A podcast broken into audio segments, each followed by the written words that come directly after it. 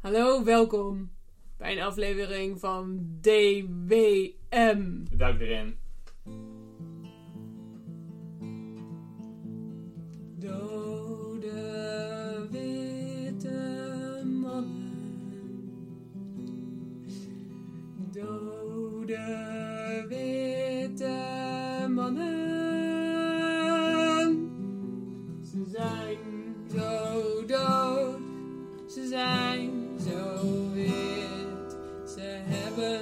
allemaal een mannelijk lid.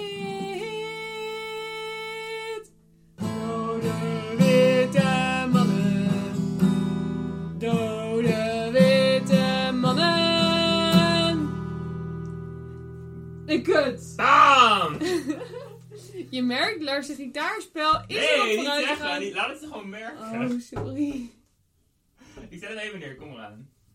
Kom erbij, kom erbij. Dames en heren, welkom bij een nieuwe aflevering van de Dode Witte Mannen. En we waren de tune van de vorige keer, eh, de digitale versie ervan, helemaal kwijt. En maar goed ook. We zijn eh, muzikaal, artistiek, eh, nieuw niveau. Geestelijk, ongelooflijk hoe ver we zijn gekomen. moreel. Het, wordt, het was echt goed tijd voor een dode witte mannen. Ja, want we hebben, we zijn, hebben echt extreem veel boeken gelezen. Afgelopen maand? Vier. Eén boek per week. Ik was steady 6 of zo. die zes? 7?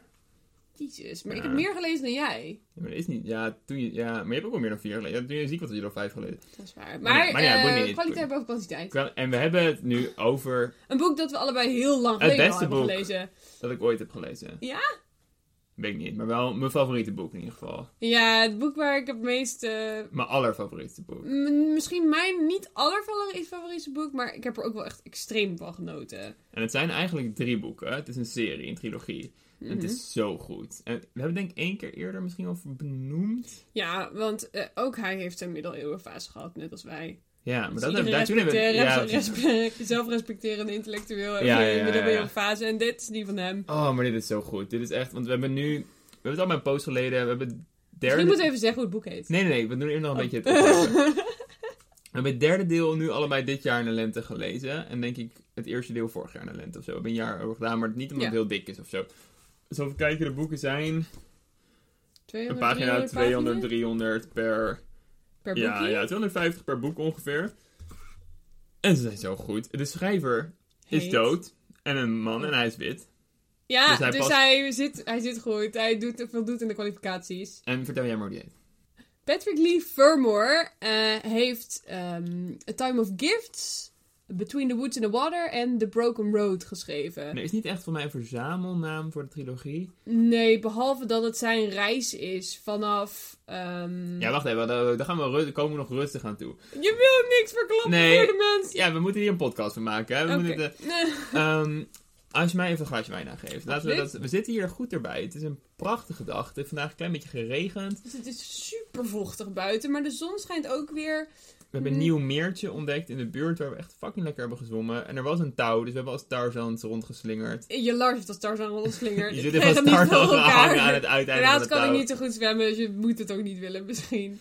Eh, onze kip is bijna beter. Ze was een beetje ziek en gaat nu niet meer. En wij waren ook een beetje ziekig. En wij zijn ook bijna beter. Er waren drie mensen ziek in het Mm. huis, waaronder één kip. Die was niet een mens, Nee, nou ja, maar. Maar- Onderhand waarderen we er evenveel. een ziel. Ik was- Drie zielen de- ziek. Ik lag echt ziek in bed. Het was 30 graden. Ik was totaal ellendig. Ik moest drie keer per dag uit bed komen om een kip te masseren. Wa- waarom? Nou. Nee, dat gaan we niet over vertellen. Dat hebben we een andere podcast. Oh. Maar ik wil alleen dat detail. Dat ik, omdat Isoud het niet durfde, moest ik de kip Oh, ik uitgebreid. kan het niet Jullie durft het ook niet. Nee, ik vind het heel vervelend om haar te vangen. En dan was de Ik kip gemasseerd, zielig. mocht ik mijn handjes wassen en weer terug naar bed. En dat was mijn afgelopen week. En heeft het je beter geholpen? Zowel mij als de kip zijn er beter van geworden. Denk Dus- ik ook. De relatie tussen jullie is echt mooi opgebouwd. Maar terug naar de boeken, terug naar de boeken. Ik denk, ik neem een slokje.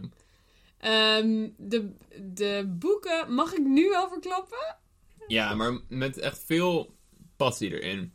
Oké, deze jongeman, Patrick Lee Former, is in zijn twintiger jaren. Nee, nog niet eens. Hij is 18. Hij is 17 zelfs als woont in Engeland. Hij heeft verschillende soorten scholen geprobeerd. Ze zitten allemaal niet lekker bij hem. Maar- Op een of andere manier heeft hij toch het voor Wanneer- elkaar wanneer gekregen heel veel mee te pikken.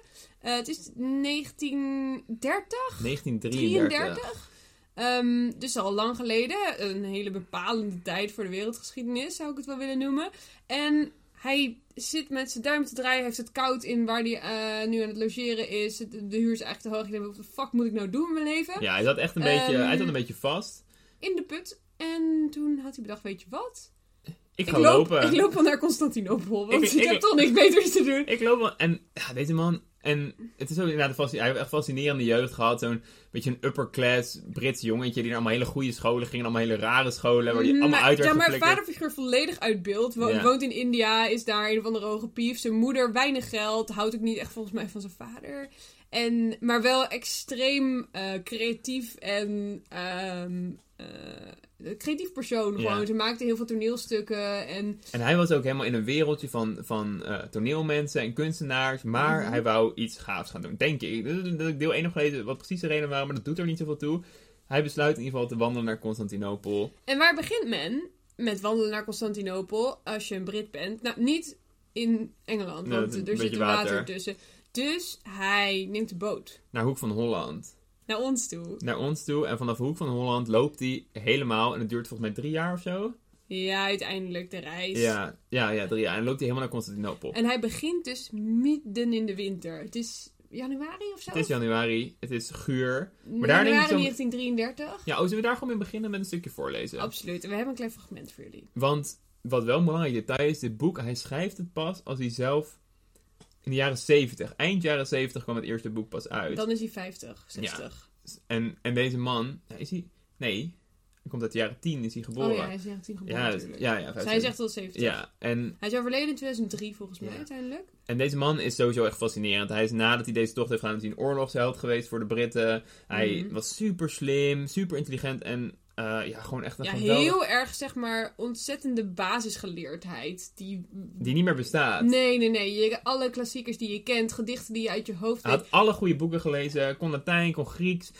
had vrienden over het hele continent. Hij, nou ja, het was echt. En hij was een ontzettende avonturier. Hij is reisschrijver geweest voor ook heel veel grote tijdschriften, Ja. volgens mij. Ehm, al met al echt een fascinerende persoon. En hij heeft dus een bizar goede herinner- herinnering. Ja, ja, want hij herinnert deze hele reis nog alsof het gisteren was. Zo in zijn 70er jaren is hij, eh, leeft hij weer, zit hij weer helemaal in zijn 20 Ja, dus dat is het. zelf. Het is de beschrijving van een reis, maar ook een beschrijving van hoe een oudere man zich verhoudt tot zijn jongere zelf.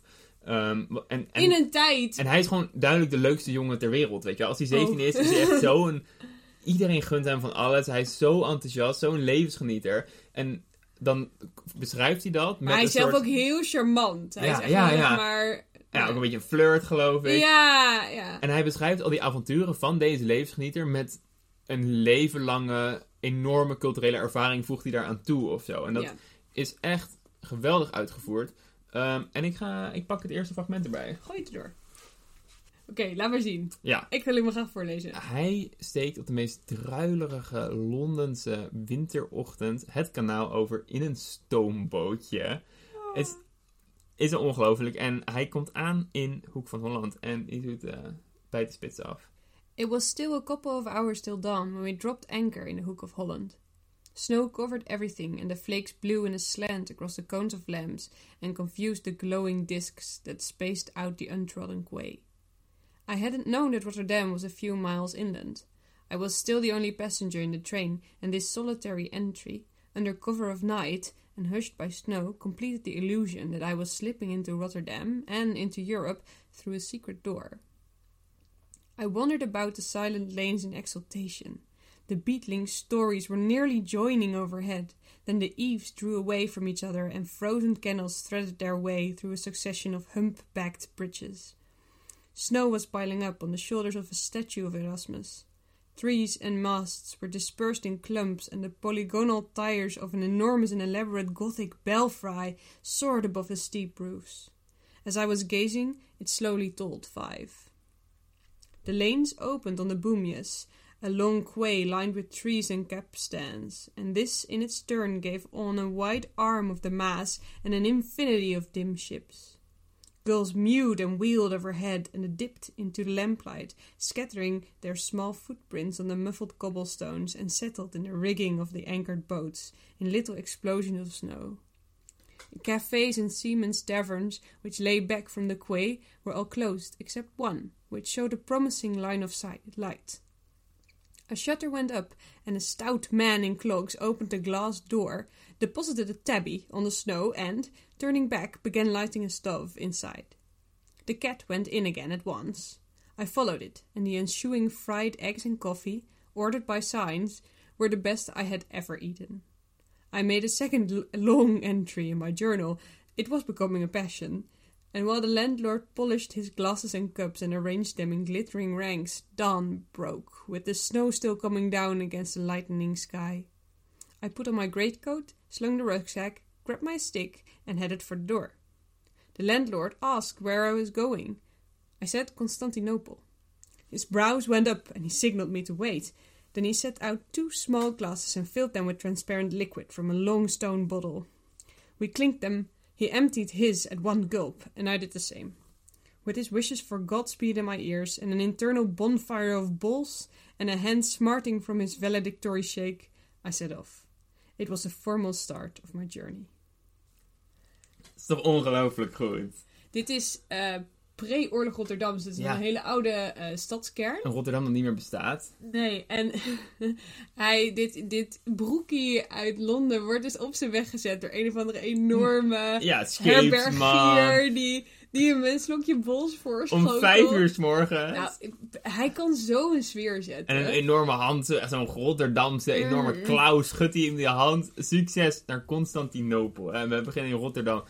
Eh, ja, we kunnen ook wel spoilen dat het hem ook lukt. Uiteindelijk komt hij daar ook gewoon Hij aan. komt er. Ja, en het duurt hem drie jaar. Hij wandelt heel Europa door. En het is inderdaad dit prachtige vooroorlogse, nou tussenoorlogse Europa eigenlijk. Een soort Waarbij Europa eh, de trauma's aan het verwerken is, maar ondertussen ook Hitler aan de macht heeft in Duitsland in 1933. Dus dat is al bezig.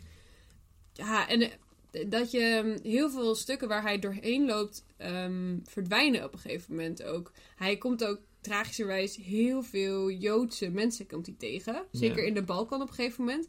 Waarvan je gewoon weet dat hij ze nooit meer terug zal zien. Ja, en En- heel veel adellijke families. En die, Adellijke families in Transylvanië en zo die gewoon... en die waren al, al hun land was al afgenomen. Omdat je na de Eerste Wereldoorlog waren er al super veel verschuivingen Die geweest. hadden gewoon nog een heel groot huis dat ze niet konden onderhouden. Ja. En ehm, een soort adellijkheid en cultuurachtergrond die... En je, ja, en je weet gewoon vanaf de ene kant komen de Sovjets en vanaf de andere kant komen de nazi's. En die hele regio, waar we nu nog niet, we zijn nu nog in Nederland, hè? we moeten Mhm. lopen een beetje op de zaak vooruit.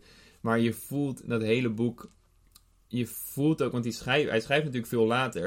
En je voelt ook dat die schrijver ook weet van, oh, Patrick weet, al Ja, deze er- mensen gaan dood, al deze plekken gaan kapot. En hij En gaat niet ook... allemaal natuurlijk, maar wel, Nee, en hij gaat heel veel niet meer terugzien, omdat ze inderdaad achter dat ijzeren gordijn verdwijnen. ja.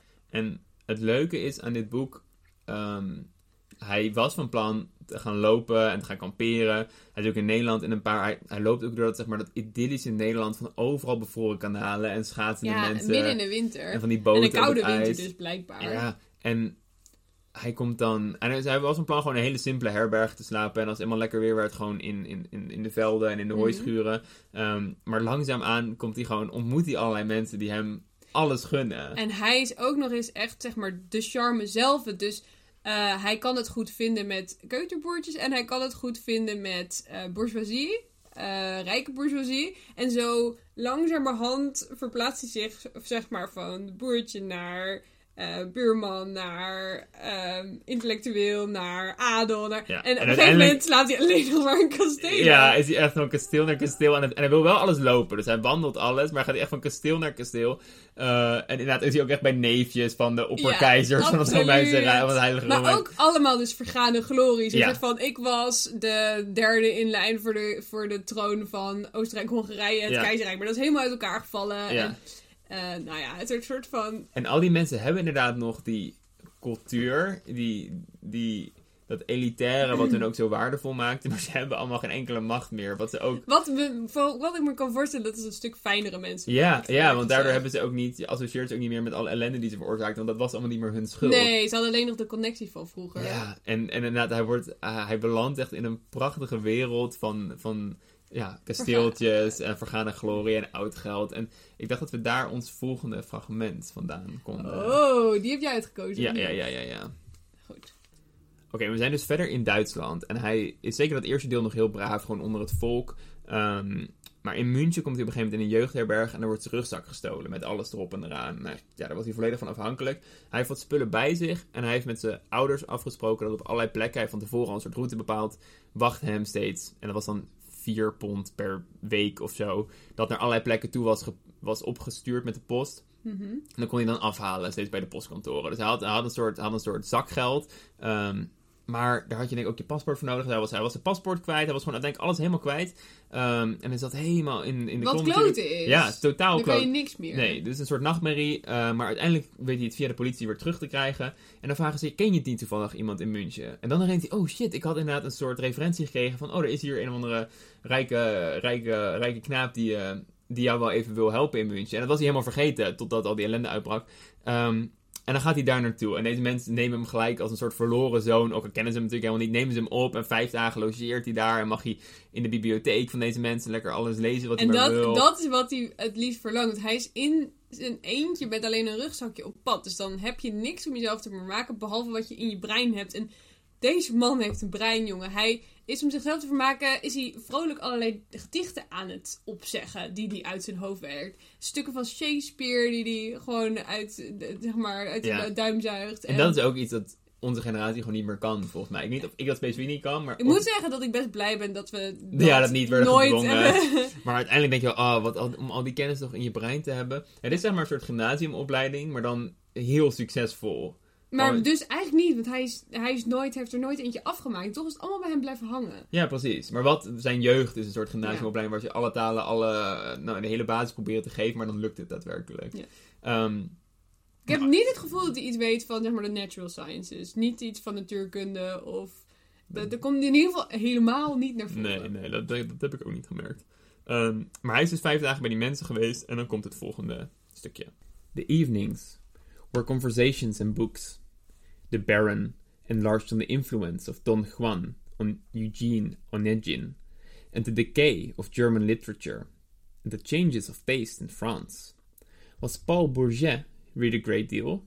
Henry? De Regine? Maurice Barret? I wish I could have answered. Saved from a general loss by its presence in a remote pocket, my only book now was a German translation of Hamlet. How true was the German claim that it was as good as the original? Not true at all, the Baron said, but it's better than in any other foreign language. Just listen. And he took down four books and read out Mark Antony's speech in Russian, French, Italian, and German. The Russian had a splendid ring, as it always does. The French sounded rather thin, and the Italian bombastic and orotund. Unfairly, but amusingly, he exaggerated the styles as he read. The German, however, had a totally different consistency from any utterance I had heard on this journey.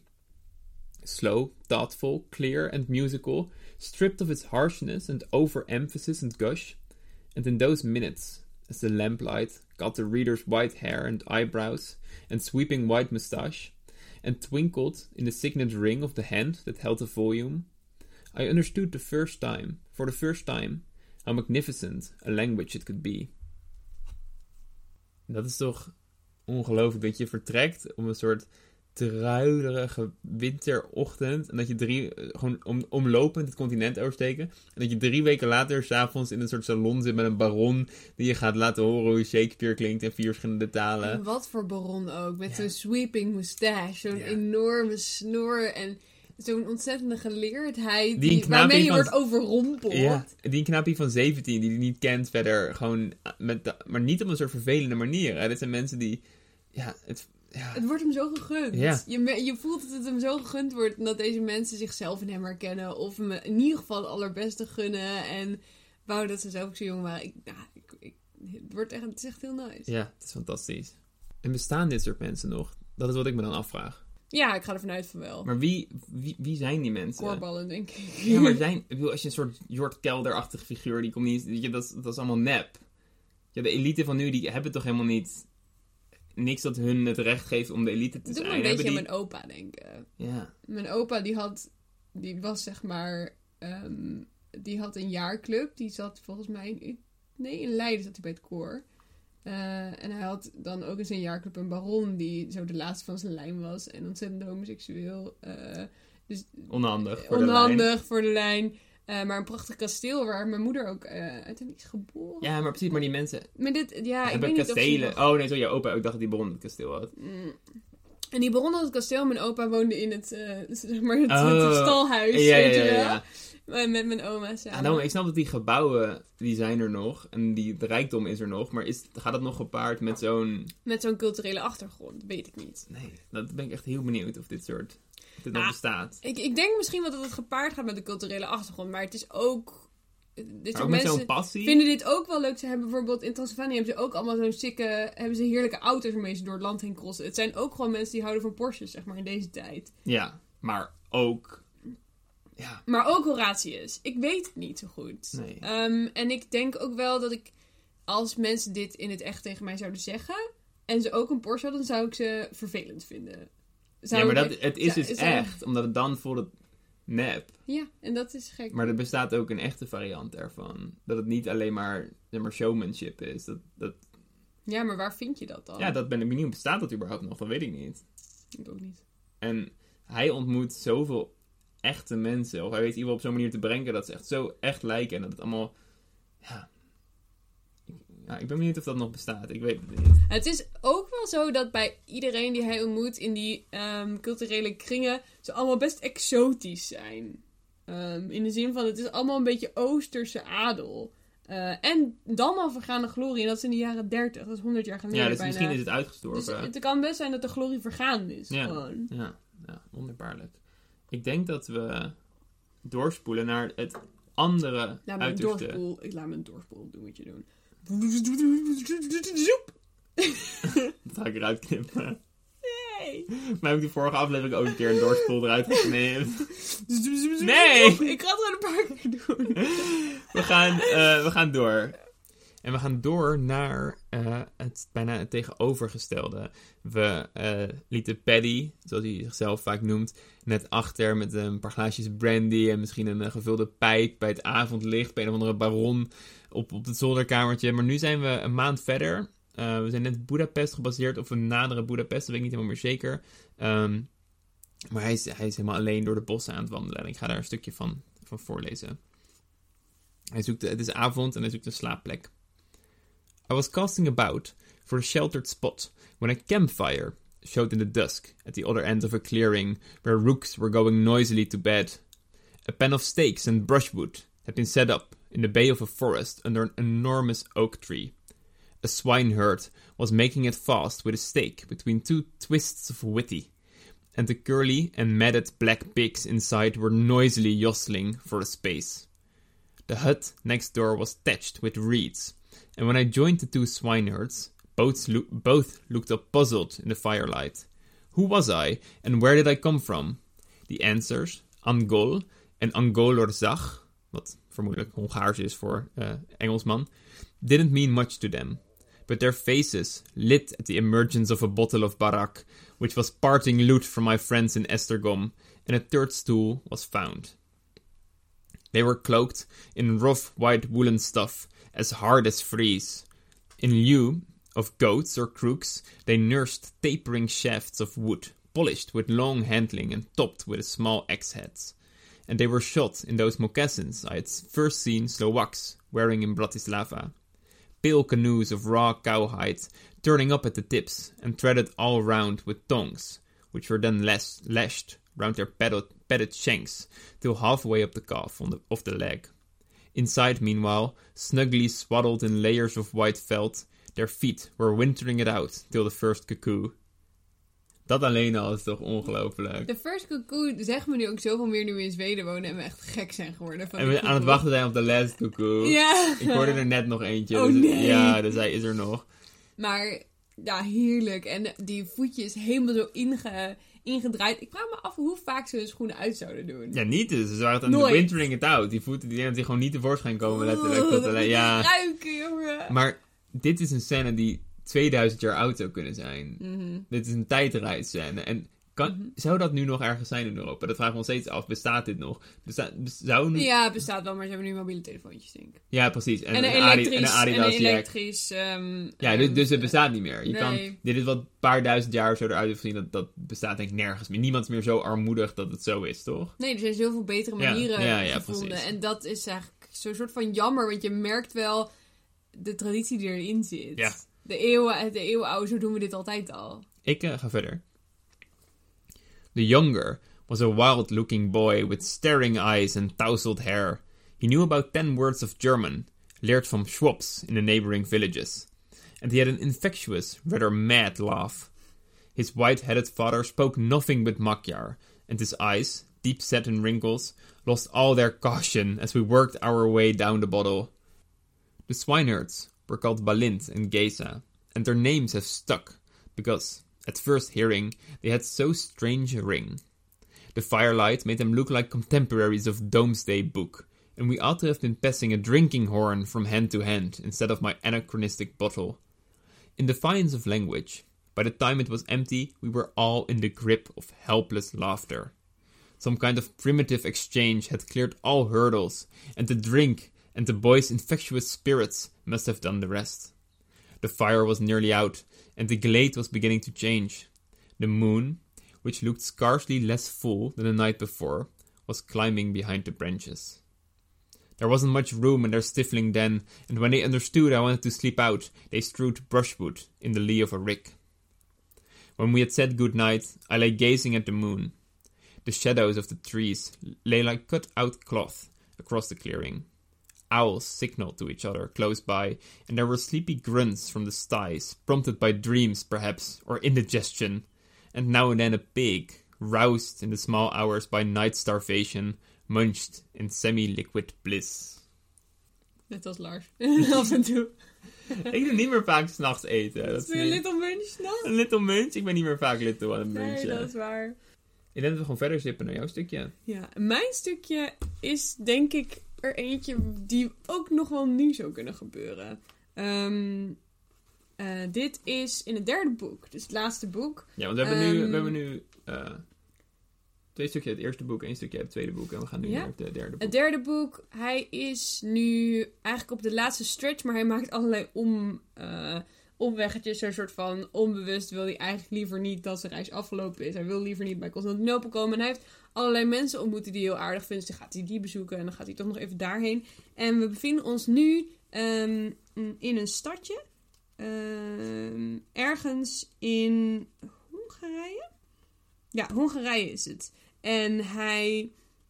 Het is zo'n stadje dat op een berg is. Dat doet me altijd heel buitenlands aan. Zo'n stad waarbij de huizen boven elkaar hangen. Waar je eh, de straten op en neer gaan. Waar eh, nu ook nog geen elektriciteit is. En wel heel veel van die kleine kruidenierswinkeltje. Een slagerijtje, een smid. Een, ehm, dus je komt, eh, naarmate je hoger komt in de stad, kom je steeds kom je langs ze allemaal. Zeg maar, wat heerlijk is.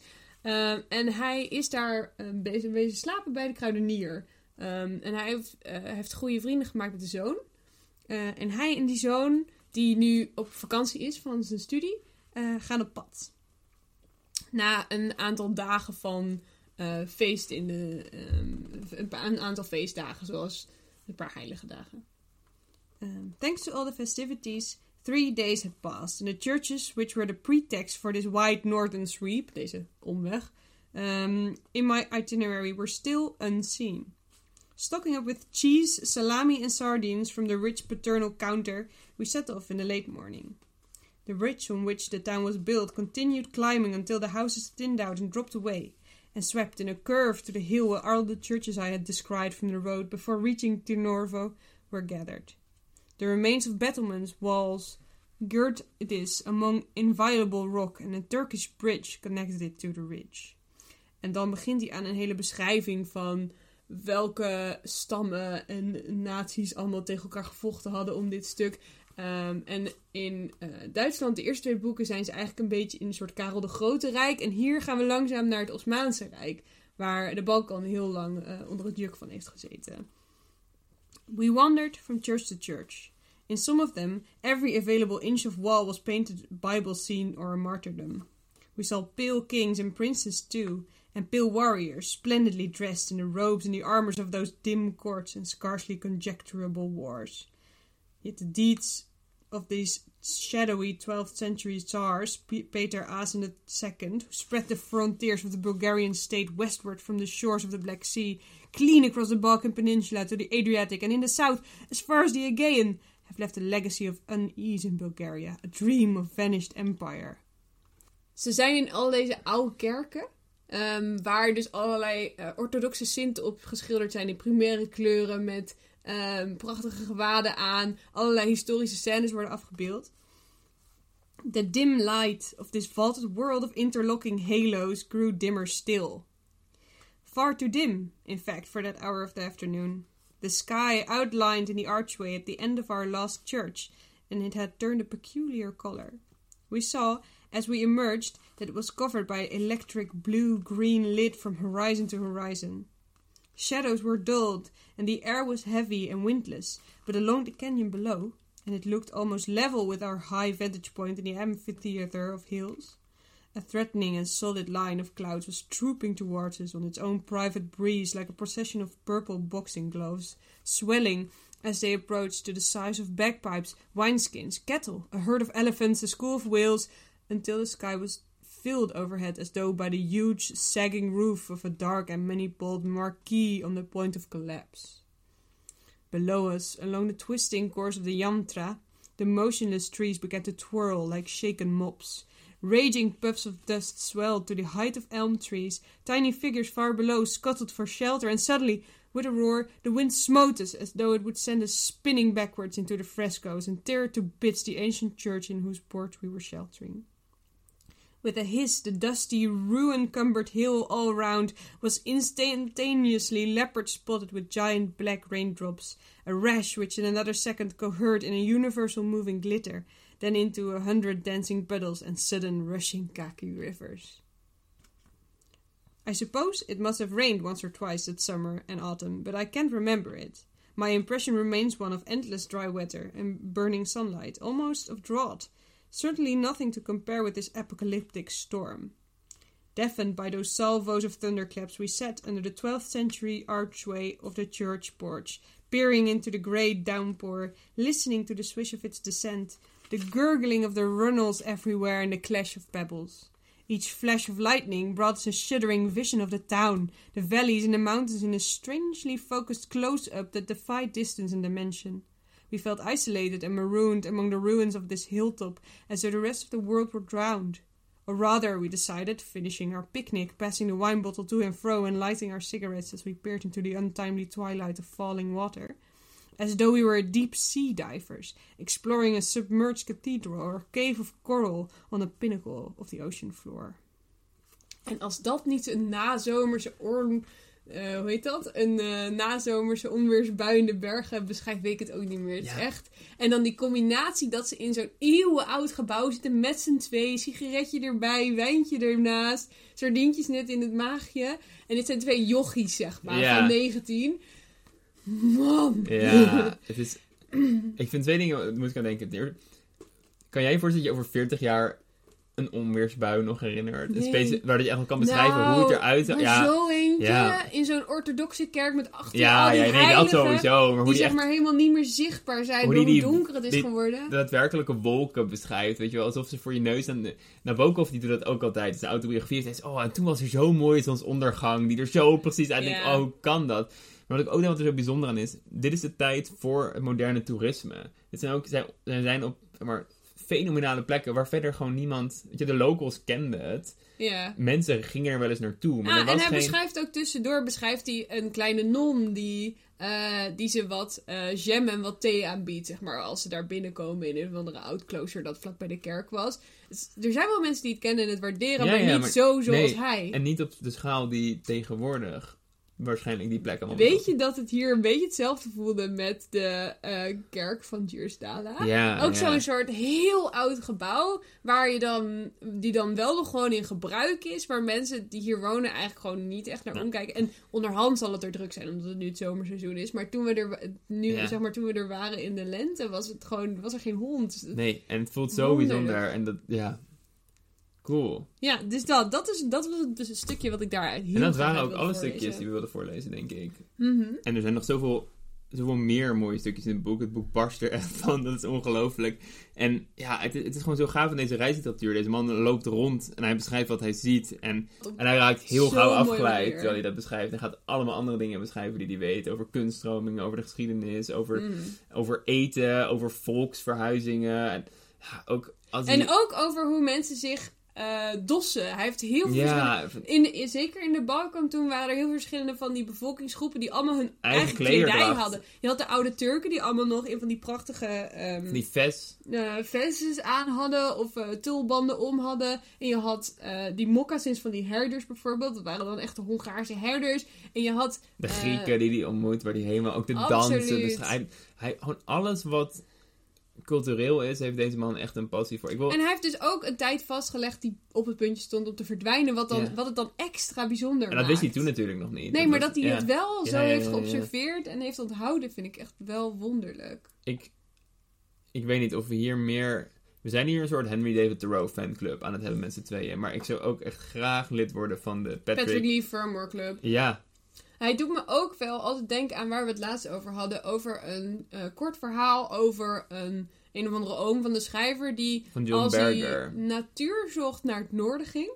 En als hij cultuur zocht naar het zuiden ging. En hoewel ik het heerlijk vind, hier heel erg aan het genieten ben, is het toch het verlangen naar, eh, Naar naar het kerkschilderingen die ook echt mooi zijn. Hey, Juursdala heeft prachtige kerkschilderingen. Maar zeg maar wereldberoemd zijn, het trekt, het trekt wel, het trekt een mens. Ja, sowieso. En hij, hij had later iets, oh, ik had, had deze reis ook naar Italië kunnen maken. Volgens mij kun je er dezelfde avonturen beleven. Of kon je dat doen? Ja, nou ja, maar ook wel, ook Italië, ook het Midden-Oosten zou ik ook nog steeds graag naartoe willen. Al dat soort, nou, Ja. We laten een stilte vallen van, van, van droom. En ook was een soort van, oh, was het nou nog maar zoals het toen was? Dat natuurlijk, dat kan helemaal niet. Nee, maar, ik heb dat wel echt in me. Ik ben echt zo aardsconservatief in hoe ik zou willen dat... Alles ook hier in Zweden, bleef. ja, ik zou echt willen dat het hier nog... En dat kan je niet van mensen verwachten. Nee, nee, natuurlijk niet. Het is onmogelijk. Maar je denkt, oh, hoe... Het was jammer dat het leven toen veel zwaarder was en veel minder gezond. En, en mensen hadden het gewoon veel ellendiger. Maar wat, wat is de wereld mooi geweest? En dat... Het dat was is- ook wel rijk, of zo. Ja, ja precies. Een hele andere leven. soort rijkdom. En we hebben dat opgegeven in ruil voor een hele hoop vooruitgang. Maar soms denk je, oei, oei, oei. We zouden met... We hebben een soort voorraad opgebouwd van, van dingen die we nu weten, dingen die we nu kunnen. En nu zouden we dat moeten gaan, van gaan genieten. En met onze omgeving terug moeten gaan, in hoeverre dat kan, naar hoe mooi het ooit allemaal is geweest. Zoals dat- we het hier proberen te doen. Ja, ja, op extreem kleine schaal. Maar dan denk je, Mm. oh, wat, wat... Want als je gewoon... Weet je, Nederland heeft een hoop mooie binnensteden. Of tenminste, een aantal mooie binnensteden. Nederland heeft een aantal mooie natuurgebieden. En ertussenin is verder alles één grote lelijke teringzooi, toch? Ik bedoel... Ah, het Ja, dat heel allemaal jaren 60, maar mensen moeten ergens wonen. Ja, en dat, dat snap ik ook wel hoor. Maar gewoon de, zeg maar, de semi-lege ruimte is zo lelijk op zoveel plekken. Ja. Denk ik, oh, en dat...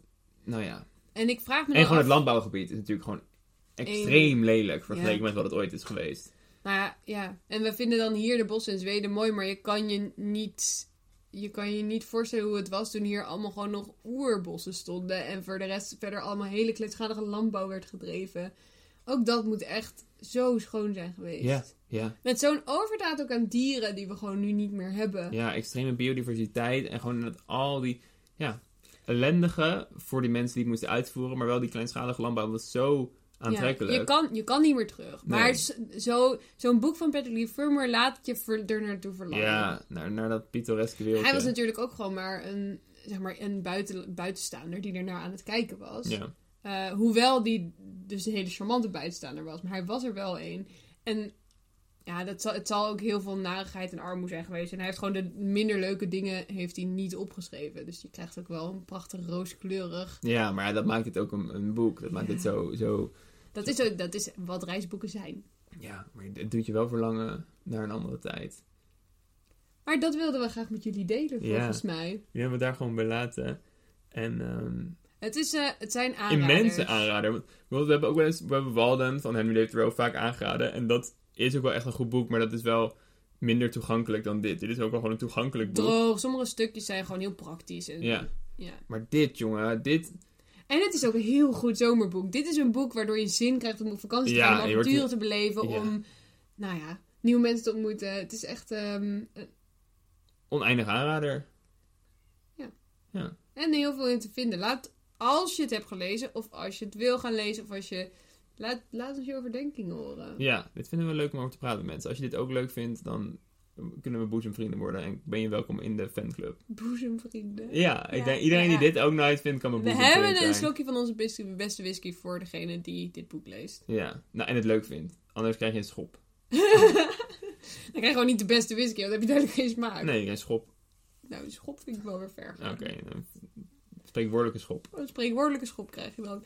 Ehm, Tot later, mensen. hè. tot later. Gaan we de tune nog hier achter plakken, of niet? Ehm, ja, misschien wel. Dus geniet daar nog een keertje van. En eh hey do. Hey doei!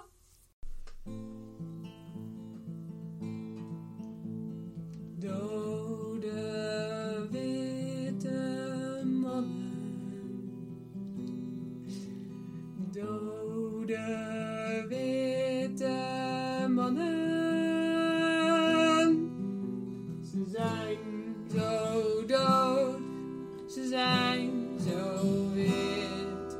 Ze hebben allemaal een mannelijk lid. Dode witte mannen. Dode witte mannen. Ik. Bam!